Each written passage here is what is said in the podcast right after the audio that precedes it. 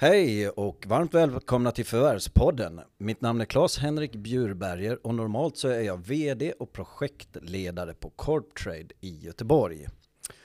Idag så ska vi ta del två av hur en köpare tänker. Och vi har som vanligt med oss en expert i studion som heter Sebastian Brinkenfeldt. Och Sebastian, han är förvärvsansvarig för Svevik Industri sedan sex månader. Men han har en lång historik inom bolaget som investment manager och acquisition analyst innan dess. Han är starkt engagerad i amerikansk fotboll som förbundskapten i juniorlandslaget och sportchef för Täby Flyers. Han är utbildad på Handelshögskolan i Stockholm och enligt hans rekommendationer på LinkedIn så är han en mycket genuin person och det är precis som vi känner honom också. Svevik Industri eh, AB tar siktet på börsen enligt en DI-artikel den 21 oktober och enligt samma artikel ska de satsa rejält på både organisk tillväxt och förvärv. Och idag omsätter man cirka 830 miljoner med ett rörelseresultat före avskrivningar om 70 miljoner. Och det senaste förvärvet var Skandinaviska Teknik och Smörjsystem. Varmt välkommen Sebastian! Tack så jättemycket. Kul att vara här. Gott Sebastian, välkommen till Förvärvspodden. Eh, vi brukar ju värma upp lite mjukt i den här podden och eh, det gör vi även eh, idag. Då ställer jag frågan, vad gör du eh, in, när du inte tittar på potentiella förvärv för Svevik? ja, eh, jag har fått för mig att eh, jag ska springa ett halvmaraton i april. Mm. Eh, ingen aning om varför jag fick för mig den idén, men ehm, eh, så det håller jag på att träna en hel del för. Jag tycker att träning är väldigt roligt, men kanske mer åt eh, styrketräningshållet än, än just löpträning. Mm. matlagning ligger mig väldigt varmt om hjärtat. Mm. det tycker jag är mycket underhållande att hålla på med. Vad är, vad är paradrätten? Oj, eh, bra fråga. Jag skulle väl ändå säga att eh, någon form av eh, buff bourguignon kanske, eller någon sån här gryta som får koka länge. Liksom, med... Ser vi fram emot på lunchen nu då? exakt, ja, med ja. matlådorna ner. Ja, ja exakt. Eh, och eh, sen amerikansk fotboll som du, som du var inne på är ju en aktivitet som ligger mig varmt om hjärtat att eh, hålla på en hel del med. Ja, jag ser ju att du fortfarande ser vältränad ut. Tack, tackar. Men du håller kroppen fortfarande för en rejäl tackling då om du skulle gå ut? Nej du, alltså, långt ifrån kan jag väl säga. Det, ja. var, det är mer än tio år sedan jag själv slutade spela. Ja. Man brukar säga att amerikansk fotboll är a young man's game och eh, det är, stämmer fortfarande. Så att, eh, nej, jag står bäst på sidlinjen eh, i nuläget. Jag försöker ju för egen del kämpa fortfarande med lite gubbhockey, men jag förstår precis vad du menar med tackling. Får, får man en så, så, så, så, känns det helt klart. Eller är det mer att vi gubbar numera åker ihop så att säga? Ja, ja, ja, Ingen tackling så att säga. ja, kul. Ja men gott Sebastian, vi ska naturligtvis först också eh, för lyssnarnas räkning eh, utröna vad är Svevik Industri för denna aktör? Mm.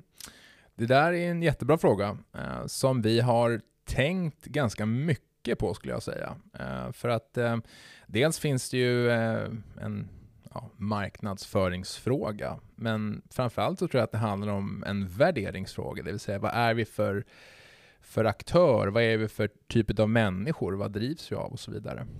Så vi ser oss själva som en företagsgrupp med en aktiv förvärvsagenda, genom en bred liksom ett brett spektra utav, eh, utav branscher.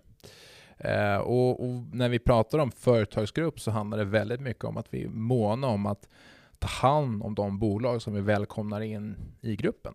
Mm. Att eh, ta ett stort ansvar för våra dotterbolag och att hjälpa dem i sin företagsutveckling. Så att vi inte bara liksom förvärvar i sig, utan vi har ett förvaltande och ett utvecklande ansvar också. Och vi tycker att de där tre aspekterna av förvärv, äga, utveckla är väldigt viktiga. Du nämner värderingsstyrt och det nämner ju många naturligtvis, olika typer av bolag nämner att man är värderingsstyrt. Men om du kan gå in lite mer på djupet på just det då, vad innebär en värdering? Vad är era värderingar? Mm. Så en värdering då är exempelvis långsiktighet. Vi förvärvar alla våra bolag utan någon som helst tanke om att avyttra. Mm. Ehm, vi har ju i tidigare sammanhang pratat om ett evigt ägande evigt är ju, som vi båda vet, väldigt, väldigt, väldigt långt eh, och kanske ibland svårt att, att, att säga, skriva under på. Eh, det kan ju faktiskt vara så att bolag ibland kommer utvecklas ännu bättre i ett annat sammanhang. Men våra förvärv görs alltid utan någon, form av, någon som helst tanke om att de ska avyttras. De ska liksom leva vidare i Svevik Industrigruppen. Så att säga. Just det. Den andra, en annan värdering som ligger oss väldigt varmt om hjärtat är ju det här med delaktighet. Att bolagen som kommer in ska känna att de är delaktiga i gruppen och att vi är delaktiga i dem. Eh, att det finns ett ömsesidigt arbete där vi tillsammans både lägger planer, tillför resurser och gör de delarna som krävs för att bolaget ska vara lite bättre imorgon än vad det är idag. Så där har vi två exempel på, på hur vi tänker kring just de här eh, värderingarna. Jag vet inte hur konkret du kan eller vill vara, men om vi tar det senaste förvärvet, Skandinaviska Teknik och Smörjsystem. Mm. Vad skulle du säga att Svevik har bidragit med där? jag skulle börja med att säga att jag är ödmjuk nog att inse att eh, man eh, inte kan bidra med jättemycket på allt för kort tid. Mm. Eh, vi gjorde det här förvärvet precis innan sommaren, så just nu håller vi faktiskt på att lära känna bolaget i stor utsträckning. för det är ju så att Eh, första perioden, då, då vill man ju lära känna bolaget, lära känna ledningen, omfamna bolaget, förstå kundernas beteenden, leverantörernas beteenden och så vidare. Men, men i det specifika bolaget då så har vi ju satt oss, suttit oss ner med ledningen och vi har tittat på var kan vi vara om tre år? Och vad krävs för att vara där om tre år? Eh, och vad ska vi göra? Vad ska ledningen göra? Vad krävs det för investeringar? Vad krävs det för resurser? Och så vidare. Eh, så att det är väl liksom det första steget i företagsutvecklingen, att, att se var finns de lågt hängande frukterna och vad, vad behöver vi göra för att kunna fånga dem? Mm. Jag förstår. Jag tycker, om man tittar på vår, många av våra uppdragsgivare så vill man ju ha någon typ av förändring när man eh, anlitar oss eller någon annan för det så att säga. Man vill ha någon form av eh, ändrat livspussel och därmed kanske förändrat ansvar och det, därmed då ett ändrat ägande. Va, eh, och jag upplever en av de stora orsakerna till att den processen kickar igång är just att man känner sig lite ensam. Mm. Mm. Så, man kanske har byggt upp ett bolag och, och, ja, men man känner sig ensam i beslut, ansvar etc. Vad, vad, vad är din reflektion om det där Sebastian? Jag delar den till fullo eh, och tycker nog att eh, det är en, en aspekt av entreprenörskapet som man pratar ganska lite om. Eh, just det här att man eh, blir lite ensam med besluten och frågorna. Eh, man brukar säga att det är ensam på toppen, men det är en väldigt fin utsikt. Och lite så är det. Man, mm. man får en chans att ta beslut och göra saker som inte så många andra kan och har möjlighet till, men du är ganska ensam. Och Det är också därför som, som en av de mest uppskattade aktiviteterna som vi bedriver är vårt vd-nätverk. Där vi träffas två, tre gånger per år, alla vd från alla våra bolag, under två dagar. Eh, och har den här typen av diskussioner som i, mång, i mångt och mycket är, är, ganska generella för att entreprenörer sitter många gånger med, med lite liknande funderingar.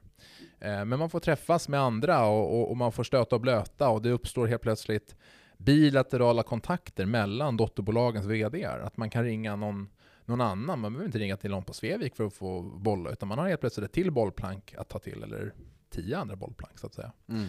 Eh, så det är något som vi verkligen har upplevt en, en fördel av. Liksom.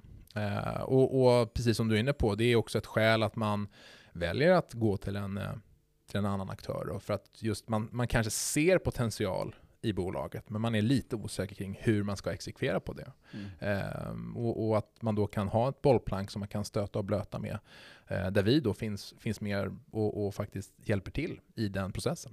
Mm. Låter klokt. Men rent konkret, hur ofta får du samtal från era bolags, portföljbolags vd så spontant och ringer och frågar om olika frågor? Hur, hur ofta sker det? det? Det skiljer sig lite åt mellan oss som jobbar på, på Svevik då. Ja. Eh, jag lägger väl ungefär 25% av, av min tid i eh, liksom, företagsutvecklingssammanhang medan eh, mina kollegor lägger väsentligt mycket mer tid i, i dotterbolagens utveckling så att säga. Mm. Eh, men jag skulle nog säga att vi får givetvis frågor dagligen eh, i den mån det uppstår behov och önskemål. Mm. Um, men det är just det här att det är behovsstyrt från dotterbolagens sida. Vi finns till som resurser och som bollplank när de behöver. Um, det handlar inte om att vi nödvändigtvis aktivt ringer dem för att liksom, Ni höra inte in och pe. Petar, liksom. Nej. Exakt, utan mm. det här lokala mandatet är ju otroligt viktigt. Mm. Uh, och, och man kan, man kan se det ur lite olika perspektiv, men eh, en, en väldigt krass verklighet som vi ändå någonstans behöver konstatera, det är ju att Vi kanske har världens bästa idé för ett bolag, men om den lokala ledningen inte tror på den, då kommer det aldrig att utföras. Mm. Oavsett vad man väljer för incitament. Mm. Eh, och med den realismen så inser man ju också att okej, okay, då kanske vi ändå ska finna en väg som vi båda tror på. För Mm. då blir det bra långsiktigt. Mm. Jag förstår. Och om man tänker till det här ordet synergier som slåms, eh, slängs runt i de här sammanhangen ganska frekvent, men helt enkelt förenklat, vad- vad har man för nytta av varandra som man kanske inte hade på egen hand? Mm. Kan du pinpointa några sådana inom er bolagsgrupp? Så? Rent krasst så skulle jag säga att nej, av den enkla anledningen att synergier väldigt sällan uppstår på riktigt. Mm. Det finns däremot en naturlig synergi som vi nog i grunden inte alltid tänkte på från början. Mm. Ehm, och det är att när du har bolag runt om i Sverige, som vi har, från Älvsbyn och Luleå i norr ner till Göteborg och faktiskt Staffanstorp i söder, så har du helt plötsligt en rad geografiska platser, kontor. Så att när ett bolag behöver ha en kontorsplats för en medarbetare på en annan ort, Mm. så finns det helt plötsligt ett Svevikbolag som du kan sitta hos. Från dag ett så får du kontorsplats, skrivare, kaffe och kollegor. Just det. Eh, det är ju faktiskt en synergi eh, som, som bidrar till en, en väldigt enkel och ganska kostnadseffektiv utveckling.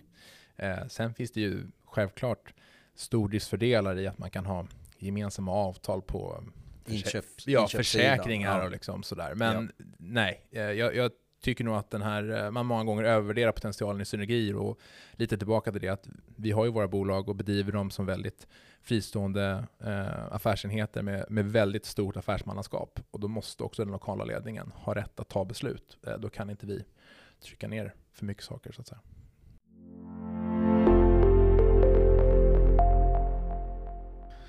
I den Dagens Industri-artikeln här 21 oktober så eh, pratar ni om att eh, siktet är på börsen och det- till och med inom 11 månader om jag läste rätt. Mm.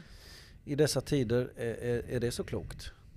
Jaha, det är en bra fråga. Eh, till att börja med ska man väl kanske säga det att eh, 11 månader kan upplevas som en väldigt tight deadline. Mm. Eh, och, och vi är väl inte så fullt så eh, konkreta kring att det ska ske just efter 11 månader. Faktum är att vi har jobbat mot en börsnotering egentligen sedan jag började och redan innan dess, eh, alltså 2018 och tidigare. Det har alltid funnits med i vårt DNA att vi ska mot en notering.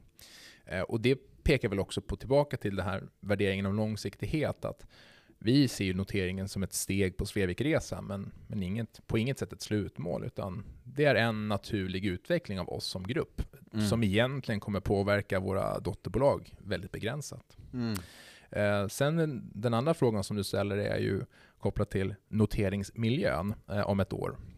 Och den eh, är ju väldigt svår att sia om. Eh, men ehm, det är ingen som ser framför sig att eh, vi så att säga ska casha hem nu bara för att vi noterar Svevik, utan eh, det är en naturlig del i att eh, bli en noterad aktör, det är en del på resan eh, och vi kommer att fortsätta bygga Svevik för lång tid framöver. Så att för oss så är det inte kanske just timingmässigt jätteviktigt att det blir på en, på en, en väldigt bra marknad. Eh, men är marknaden helt borta så kan man ju absolut eh, fundera på om det är det bästa.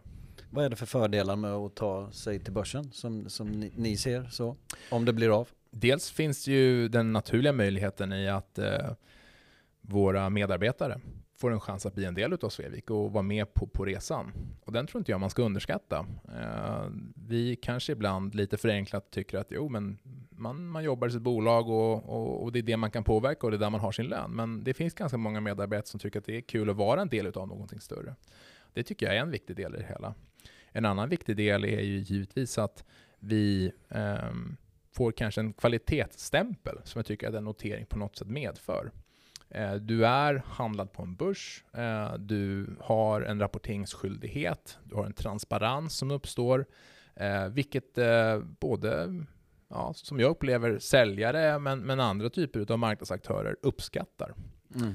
Eh, och givetvis eh, att det finns möjlighet för de investerare som har varit med oss från start att, att eh, kunna liksom förändra sin, sitt ägande. Mm. Det är också en, en viktig del i det här.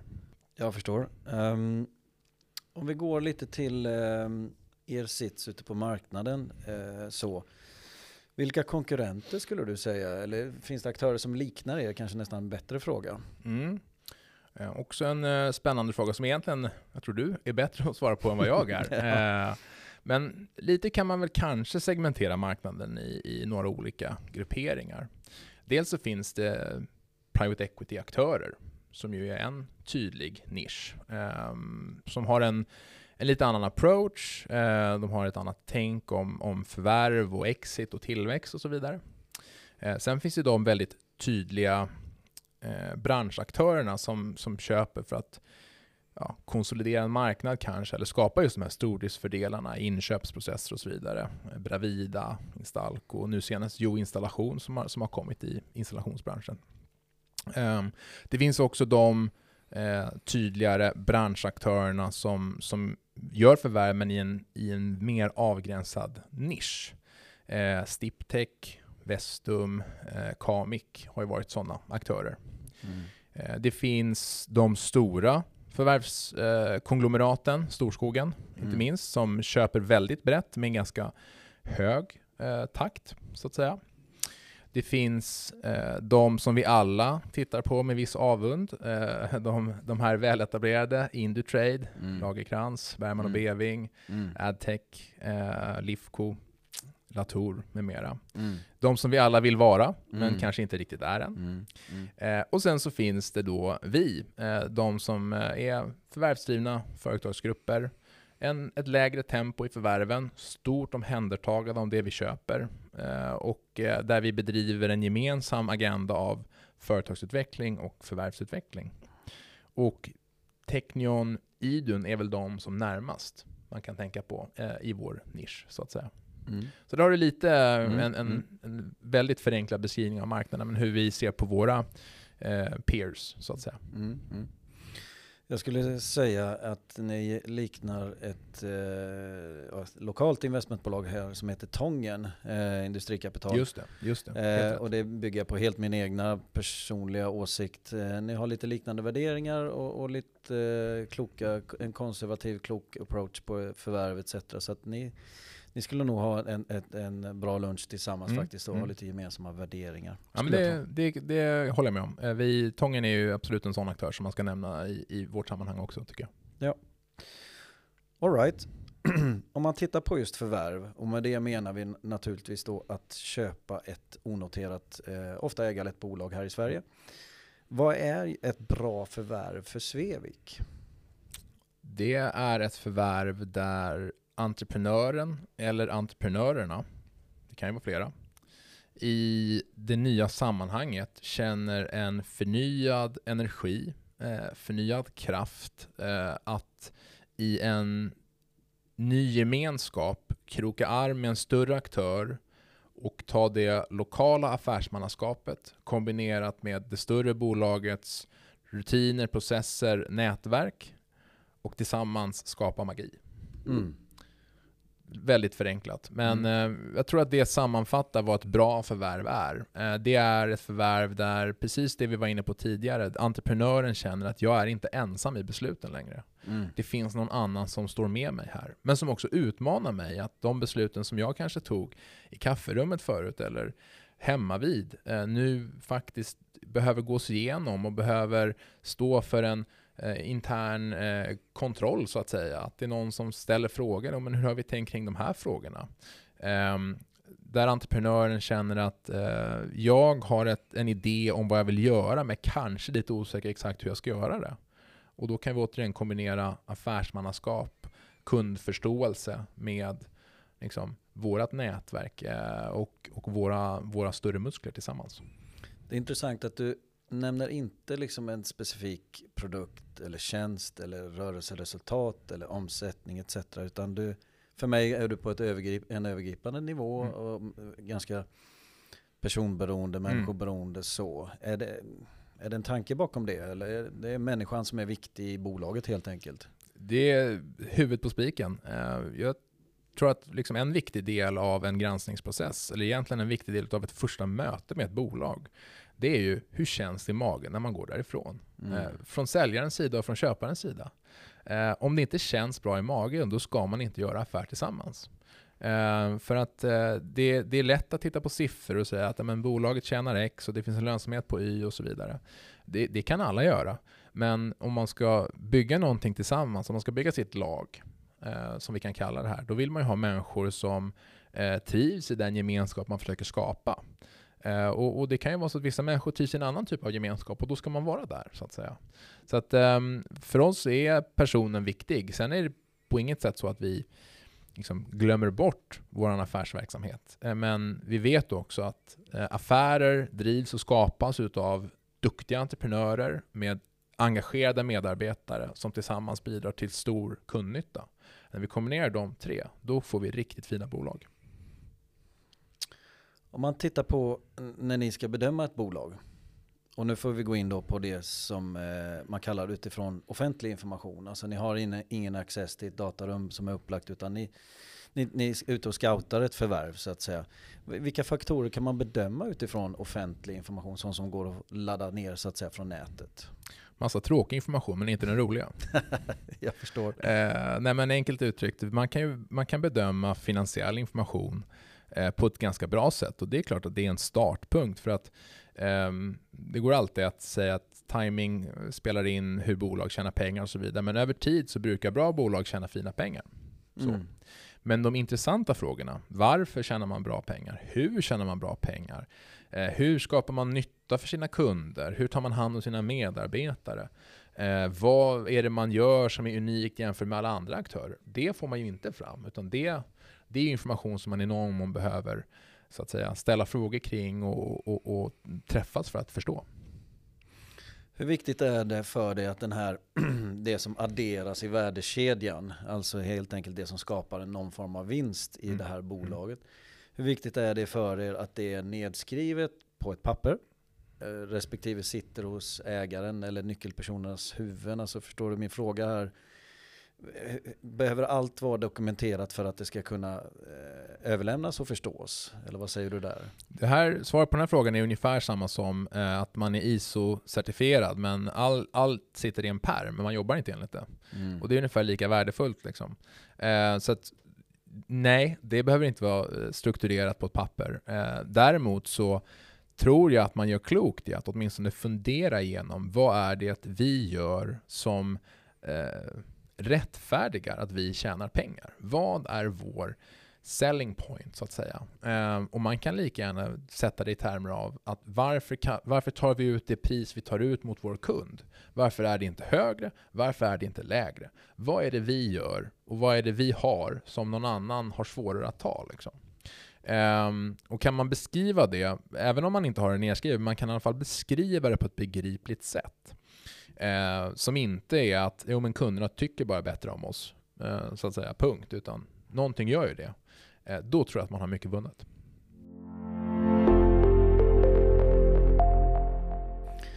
Alright, vi går till lite det här eh, caseflödet och med det menar jag helt enkelt vad får man eh, kontaktytor som kan leda till eh, en affär uppstår. Helt enkelt, vad, vad får ni på Svevik eh, potentiella case från? Eller är ni ute och scoutar själva eller hur fungerar det?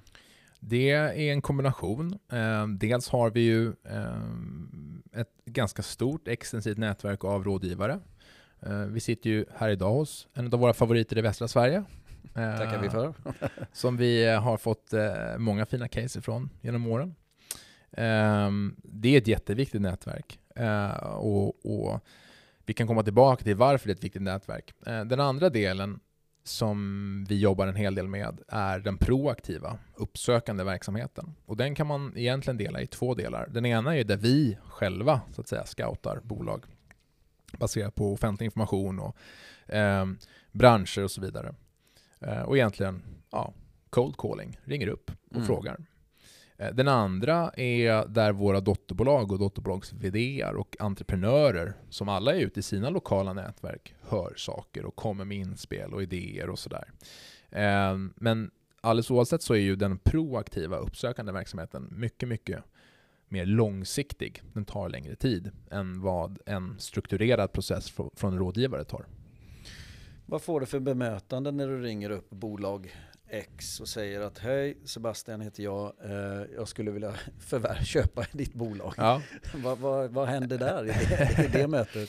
Eh, väldigt mycket kan hända faktiskt. Mm. Eh, vissa blir eh, rent ut sagt jättearga. Mm. Eh, och jag har aldrig riktigt förstått varför man blir det när man säger att du har ett jättefint bolag, hur tänker du för framtiden? Men det Mm. kanske är för att det, det slår an på, på frågor som de själva sitter med egentligen. Mm. Så vissa blir eh, rent ut sagt irriterade och nästan lägger på luren på en. Eh, Men den stora majoriteten tycker ju att det är jättekul att man ringer och frågar varför man ringer. Eh, Och, och mm, jag skulle nog säga att den absoluta majoriteten säger att jo, nej, men det här är jätteintressant men inte just nu, vi befinner oss i en spännande fas och, och vi vill göra lite saker först och så vidare.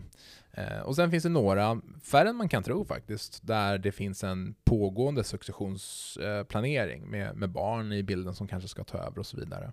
Eh, men det är många färre än vad jag, vad jag själv hade trott innan jag liksom började arbeta med den här typen av, av frågor. Liksom. Och eh, våra lyssnare, många av dem efterfrågar detaljer eh, i, en process, i en försäljningsprocess. Så vi ska djupdyka lite i det, Mm. om det är okej Mm. Sebastian.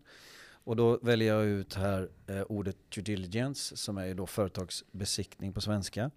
Och när ni kommer till en eh, företagsbesiktning, Mm. hur, skulle det, hur påverkar den er bedömning? Jag skulle nog säga att eh, den påverkar eh, inte jättemycket egentligen. Eh, utifrån så att säga caset i sig. Det det däremot är jätteviktigt för oss är ju att vi börjar utvecklingsresan redan där. Vi börjar ju förståelsen för bolaget i en granskningsprocess. Vi brukar säga det internt att det, det finns egentligen få tillfällen som är så bra att ställa de här dumma frågorna till eh, bolaget och få jättebra svar. Det är mycket svårare två år senare när man ställer frågan så här, men vad är det ni säljer egentligen? Eh, det är mycket bättre att ha tagit den i, i en DD-process. Så jag skulle säga att vi, vi börjar liksom arbetet med utvecklingsagendan för företagsutveckling redan i DD-processen. Sen, eh, som jag sa tidigare, det är få saker som, som vi så att säga inte kan hantera. Eh, sen är det ju precis ordet hantera som kanske är viktigt här. Att, eh, det kan ju vara så att eh, man i en granskningsprocess eh, identifierar ett antal brister. Den absoluta majoriteten av dem har ju inte skett med ont uppsåt utan bara av att man inte har kunnat eller vetat hur det ska göras. Eller hunnit? Eller hunnit för den delen. Eh, bolaget har växt snabbt och ja, så. Eh, men det blir ju samtidigt en risk som kan behöva hanteras. Eh, och sen är det ibland så att eh, entreprenörer är entreprenörsdrivna. De, de ser potential snarare än risk. Mm. Eh, och där kan ju ibland köpare och säljares eh, perspektiv skiljas åt. Eh, men eh, liksom bortsett från ja, rent brottslig verksamhet, om vi, om vi bortser från det, utan bara så här allmänna brister i hur, hur saker och ting hanteras. Man kanske har gjort fel med någon skatteinbetalning eller man har missat någon tulldeklaration och sådär. Mm. Så går det där alldeles utmärkt att hantera. Eh, och, och jag skulle nog också säga det att vi som köpare, vi är väldigt vana vid den här typen av processer. Vi är vana vid att det finns brister i bolagen. Eh, och eh, vi är vana vid att hantera det. Så att där behöver man liksom inte bli orolig, utan eh, så länge som man har en, en öppen approach till det, man kan konstatera att vi har, vi har noterat den här frågan, vi vet att det har blivit fel i termer av nu när vi har förstått det. Hur gör vi? Hur hanterar vi det här? Eh, så, så har man en bra ingångs, ingångsvärden. Mm, mm. Så det du säger är helt enkelt, man behöver inte vara rädd för att man ska blotta sig eh, så. Man, man eh, kommer inte få hemläxa allt för mycket så att säga i en DD. Nej, tvärtom. Eh, utan eh, jag skulle nog säga att ju högre transparens man har, eh, desto mer visar det att man litar på varandra. Mm. Och Eh, det är bättre att säga att det här har hänt, eh, det här har vi noterat nu, hur gör vi tillsammans? Eh, så kan man, kan man kroka arm. Och ibland kan det bli så att det blir en avtalsmässig hantering, det kanske blir en prisjustering, vem vet. Men det mesta går alltid att hantera. Något som våra uppdragsgivare, när vi oftast då sitter på säljsidan, så är det det här med sekretess upplever man som lite jobbigt. Och med det menar jag att det är eh, jobbigt att inte kunna berätta för alla på eh, företaget eller för kunder eller för leverantörer att man ligger i en sån här process. Så. Och från, från ert håll, alltså från köpare, en köpares eh, perspektiv, vad bör hållas hemligt i en affär innan den är gjord? Det där är en jättebra fråga och jag tror inte att det går att ge ett svar för alla. Eh, jag upplever dock att bolag som redan från start säger att ja, men hos oss det är känt att vi ska sälja det här bolaget och alla medarbetare känner till det. Det tycker jag ger en god känsla i magen. Här har man redan, här har organisationen en hög grad av transparens, man är öppna mot varandra, man vågar eh, förklara hur det är och, och det, vi vet ju båda hur det är att i sådana organisationer så tenderar liksom information att flöda åt båda håll på ett bra Mm. sätt. Mm. Eh, sen finns det alltid anledning till att man inte har berättat det inledningsvis och sådär, för man vill inte skapa oro, vilket jag också kan förstå. Men, men liksom som utgångspunkt så. Um, I många avseenden så finns det ju kanske i leverantörsavtal framförallt eh, klausuler som gör att man kommer behöva berätta vid något givet tillfälle. Och där tror jag också att man, man med fördel i alla fall proaktivt uppsöker dem så att det inte blir ja, nu har vi skrivit på ett avtal och vi ska tillträda om eh, en och en halv vecka. Kan ni vara snälla och godkänna att vi får sälja bolaget? För då blir ju leverantörerna också lite fundersamma. Ehm, och där också tror jag liksom våga bjuda in oss som köpare tidigt i den typen av dialoger. Har man en viktig kund som man är orolig för, men för tusan låt oss ta ett möte tillsammans då. Eh, Mm. För jag har ju jättestor respekt att man som stor kund eh, och kanske har en nyckelleverantör som nu helt plötsligt ska köpas och så blir man ju orolig. Vad är det här för någon aktör som, som köper upp er? Och man vill träffa dem och, och skaka hand och se vad det är för folk. Eh, så att eh, där tror jag man kan dra nytta av varandra i stor utsträckning. Ja, det du är inne på här Sebastian, det är ju det som på engelska uttryckt som change of control-klausuler. Alltså, sker det ett ägarskifte med det, ditt organisationsnummer så har den som har då, eh, inskriven i det avtalet rätt att ha synpunkter på det här. Mm. Och det kan vara ett kundavtal eller leverantörsavtal. Eh, så jag kan nog, bara nog understryka att det är klokt att dels ha vetskap om att den, den klausulen finns Mm, mm. innan man går, går allt för långt i en process.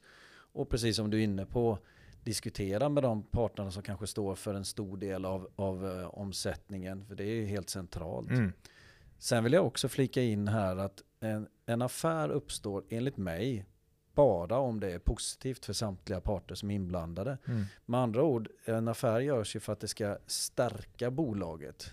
Kanske finansiellt eller strukturellt eller vad det nu än är. Det ska bli eh, stärka anställningsförhållanden etc. etc. för de som jobbar där. Ja. Så jag tycker i grund och botten så behöver man heller inte vara så rädd för att det vi försöker skapa, alltså en affär, är ju till gagn för bolaget. Mm, Annars mm. kommer den inte ske. Mm. Så att eh, försöka avdramatisera Mm. det lite. För ibland kan jag tycka att det här med ja, vid sekretess då, eh, med all respekt för det. Så eh, ibland är det lite överdriven känsla Mm. kring vad, vad, den, vad den kan göra så att säga. Hur Mm. det kan påverka. Ja men exakt, jag, jag håller med.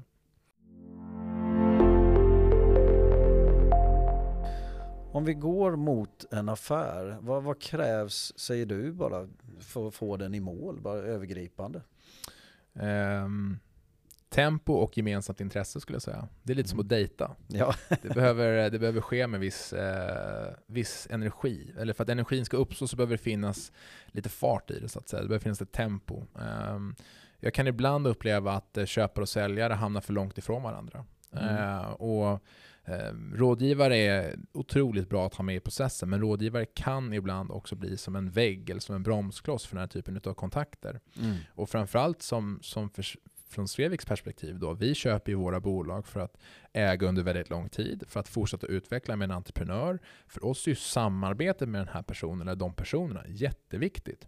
Så tappar vi kontakten med varandra under tre fyra veckor, helt plötsligt så liksom börjar det falna lite. Och, ja, man kanske ser mer risker, men man ser inte samma möjligheter och så vidare. Så det tror jag är en så jätteviktig aspekt, att det finns lite tempo och fart. Mm.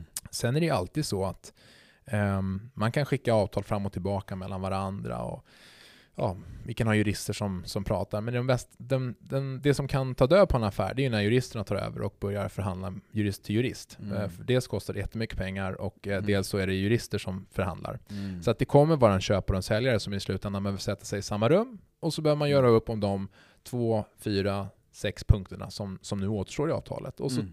tar man i hand och sen är det klart så att Mm. säga. Och den Mm. lilla slutförhandlingen tror jag inte heller man ska vara så rädd för. Men det är ett givande och tagande. Och, och där tror jag det är viktigt att eh, man som, eh, Um, både som köpare och som säljare kan kliva in och förstå att okej, okay, nu har vi gjort en granskningsprocess, vi har identifierat vissa saker som behöver hanteras. Uh, vi kan inte både ha kakan och äta den, utan vi måste på något sätt, både, vill vi ha något så måste vi ge med oss något. Kompromissa. Exakt. vi gillar ju att ha lite det här mänskliga te eh, temat i, i podden och du träffar ju säkert en del nära och kära till säljaren. Vad, vad, hur påverkas de? Vad, liksom, vad är din erfarenhet kring de som står runt omkring ägaren? Mm. Det skiljer sig åt lite beroende på vad det är för situation som säljaren är i. Vissa eh, har ju en uttalad tanke om att man ska gå i pension kort därefter eh, och man kliver in med den, den approachen, inte minst om det kan vara flera delägare.